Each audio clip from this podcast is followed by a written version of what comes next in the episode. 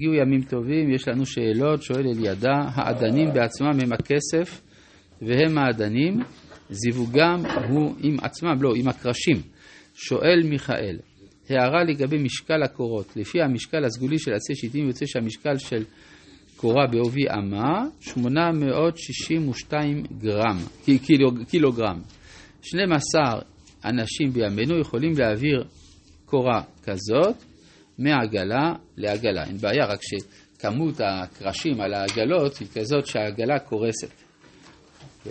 אה, ובכן, אנחנו ממשיכים בפרק כ"ו של ספר שמות, והגענו אל פסוק ל'. והקמות את המשכן, כמשפטו אשר הורית בהר. אז יש הבדל בין אה, והיה, אה, שעשיית המשכן, המשכן זה לפעמים הכינוי ליריעה הפנימית, אבל פה עם הקרשים זה הבניין בכללו, והקמות את, המשפ... את המשכן כמשפטו אשר הוראת בהר. מה המשמעות של הדבר הזה? זה מה שדיברנו מספר פעמים, שיש מקדש של מעלה ויש מקדש של מטה. לכן כאשר משה מקים את המשכן למטה, הוא צריך לכוון לכל התכנים הרוחניים שכלולים במשכן של מעלה. פסוק ל"א, ועשית פרוכת, תכלת וארגמן, ותולעת שני ושש מוזר, מעשה חושב, יעשה אותה קירובים. זה ההבחנה בין הקודש לבין קודש הקודשים, היא הבחנה דקה, כן? זה לא כמו קרשים שהם קיר שאי אפשר לעבור אותו, את הפרוכת אפשר להזיז, אפשר להיכנס. זאת אומרת שבתוך חלקי הנפש הפנימיים יש יחס בין החלקים העילאיים לחלקים היותר גלויים, בין מקום ההתגלות לבין המקום של החוכמה. בין מקום ההתגלות, קודש הקודשים, מקום החוכמה והתבונה זה בתוך ההיכל, ויש הזנה מהאחד אל השני למרות ההבדלה. הרב ציודה קוקר תמיד אומר, הבחנה איננה הבדלה, כן? איננה הפרדה. הוא אומר את זה בצרפתית. ספרציון n'est pas, לא, דיפרנציאציון n'est pas séparation, כך הוא היה אומר. כן, אה, אז גם פה יש אה, פרוכת, והיא עשויה כבגדי הכהונה, כן, כיוון ש... לא אמרתי כתר, אמרתי מקום ההתגלות. אמרנו, הרוצה להחכים, ידרים, שבסימנך מנורה בדרום. דיברנו על זה. כן, מה? הפרוכת עושה הבחנה, אבל לא הבחנה מוחלטת. זאת אומרת שיש בתוך האדם יחס בין החלקים הפנימיים של ההכרה שלו לבין החלקים הגלויים של ההכרה שלו. למשל, אצל הפסיכולוגים מדברים על תת מודע. האם התת מודע זה עולם אחר לגמרי מהמודע? לא, התת מודע משיק למודע. אז כמו כן גם ההתגלות, הכישרון הנבואי שבא לידי ביטוי בין הקרובים, הוא בא לידי ביטוי, כלומר הוא מזין והוא מפרנס גם את החוכמה שמבחוץ. כלומר יש הבדל, איך אומר רבי יהודה הלוי, ההבדל בין חוכמה המקבלת סיוע מהעניין האלוהי, לבין חוכמה שאינה מקבלת סיוע מהעניין האלוהי. אז פה יש יחס בין זה לזה. אה, איפה היינו? אה, מה, איפה מה? אפשר חוכמה מנותקת. כל חכם בעולם, אם הוא לא מחובר אל הנבואה, אז יש לו חוכמה מנותקת. חוכמה בגויים תאמין, למשל, אבל תורה בגויים אל תאמין. אז יש אצל הגויים חוכמה שאינה קשורה לתורה. עובדה, מה אני אעשה? כן? אה, נכון שאצל הדתיים מאוד רוצים שכל חוכמה תנבע מהתורה. אבל רבנו הרמב"ם בספר מורה נבוכים אומר על דברי חכמים שאמרו על משה שהוא היה אב בחוכמה, אב בתורה, אב בנבואה, התבונן, האח עשו התורה עניין אחד והחוכמה עניין אחד. זה לא אותו הדבר. כן. טוב, אה, מה? כן. מה זה, מה? במנורה יש חוכמה, כן. מה? ככה במנורה המנורה זה חוכמה, אמרו חכמים, הרוצה להחכים ידרים וסימנך מנורה בדרום. מה לא ברור? איפה התורה נמצאת? בתוך האחד? התורה, עד כמה שאני זוכר, איפה הניחו אותה במשכן? ככה אני זוכר, נכון? אז מה? כן, בסדר. אז התורה היא שם. כן. אה, וזה לא רק תורה, שמה זה התורה בהתגלותה, כי הרי ונועדתי לך שם. כן, ואת כל אשר אצווה אותך על בני ישראל, הכל יוצא מהמקום הזה. כן.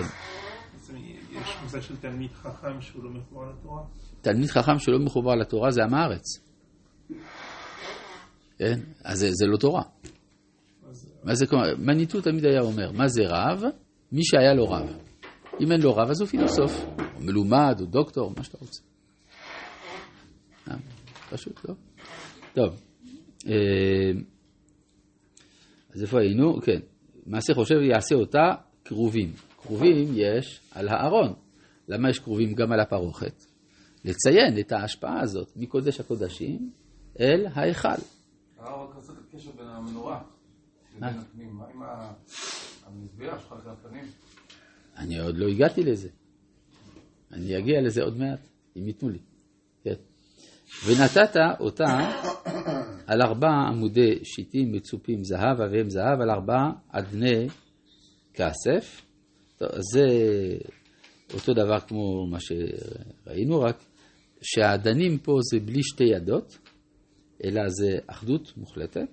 כלומר, יש עדן, העדן מקיף את העמוד מלמטה, ונתת את הפרוכת תחת הקרסים.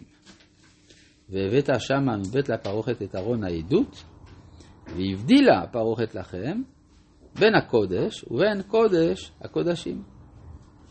ונתת את הכפורת על ארון העדות בקודש הקודשים, שמשם יוצא הדיבור. עכשיו פה יש לנו, אה, לגבי השאלה של הרב אשר, הנה פה יש, ושמת את השולחן, איפה השולחן צריך להיות? אנחנו רגילים לומר שהשולחן מצפון, נכון? הרוצה להעשיר יצפין וסימנך שולחן בצפון. אבל אם אנחנו רואים פה בפשט הכתוב, זה לא כך. ושמת את השולחן מחוץ לפרוכת, ואת המנורה נוכח השולחן על צלע המשכן תימנה, והשולחן תיתן על צלע צפון. זה המשפט קצת מסובך, נכון? אז בואו נקרא את החלק הראשון. ושמת את השולחן מחוץ לפרוכת. כשאני שומע את זה, איפה אני שם את השולחן? מה? למה? מול הפרוכת, כן. זאת אומרת, באמצע. נכון? אבל פתאום נכנסת המנורה, ו... אה, כן? ואת המנורה נוכח השולחן על צלע המשכן תימנה, ואז מה קורה? זה מזיז את השולחן צפונה. והשולחן תיתן על צלע צפון. כלומר, אלמלא המנורה, אתה שם את השולחן באמצע. אם יש גם מנורה, אז מחלקים. זה בדרום, זה בצפון. מה, מה זה בא לומר? זה בא לומר שלפני שיש הארת החוכמה, אז השפע האלוהי בא לידי ביטוי בכלכלה. כן? ורק אחרי שמגיעה החוכמה, העולם מתחלק למקום החוכמה בדרום, מקום הכלכלה בצפון. בסדר? אבל בב- בבסיס, הקדושה נמצאת בכלכלה דווקא. כן? כמו שמצאנו שהאדם מתחיל את החיים שלו בתור עובר. מה הוא עושה בתור עובר? הוא אוכל. גם כשהוא נולד, הוא יונק. מתי הוא לומד? אחר כך. אז כל זמן שהוא עוד לא הגיע למצב של למידה, אז, אז השפע החומרי הוא המקום של השפע האלוהי. מה שאין כן, ברגע שיש חוכמה, אז צריך לחלק את העולם לשניים, ואז נעשה דואליות בין החוכמה לבין הכלכלה. זה אמור להתאחד בעתיד מחדש? האם זה מתאחד בעתיד מחדש? אז השאלה מה התפקיד של מזבח הקטורת בסיפור הזה. זה מה שאתה שואל, כן? כי הרי, אבל מזבח הקטורת לא מופיע בפרשה. זה דבר תמוה, כן? טוב, נצטרך לדון בזה כשנגיע לשם. ועשית מסך, לפתח האוהל תחל דבר גמן תולד שני שיש מוזר מעשה רוקם. אז יש הבדל בין מעשה חושב למעשה רוקם. מעשה רוקם זה רקמה על גבי הבד. מעשה חושב, הציור עולה מתוך הבד. כן, יש הבדל במדרגות הקדושה בין שני המסכים, כי גם פה צריכה להיות הבדלה, אבל הבדלה פחות יקרה. מאשר בין קודש הקודשים לקודש.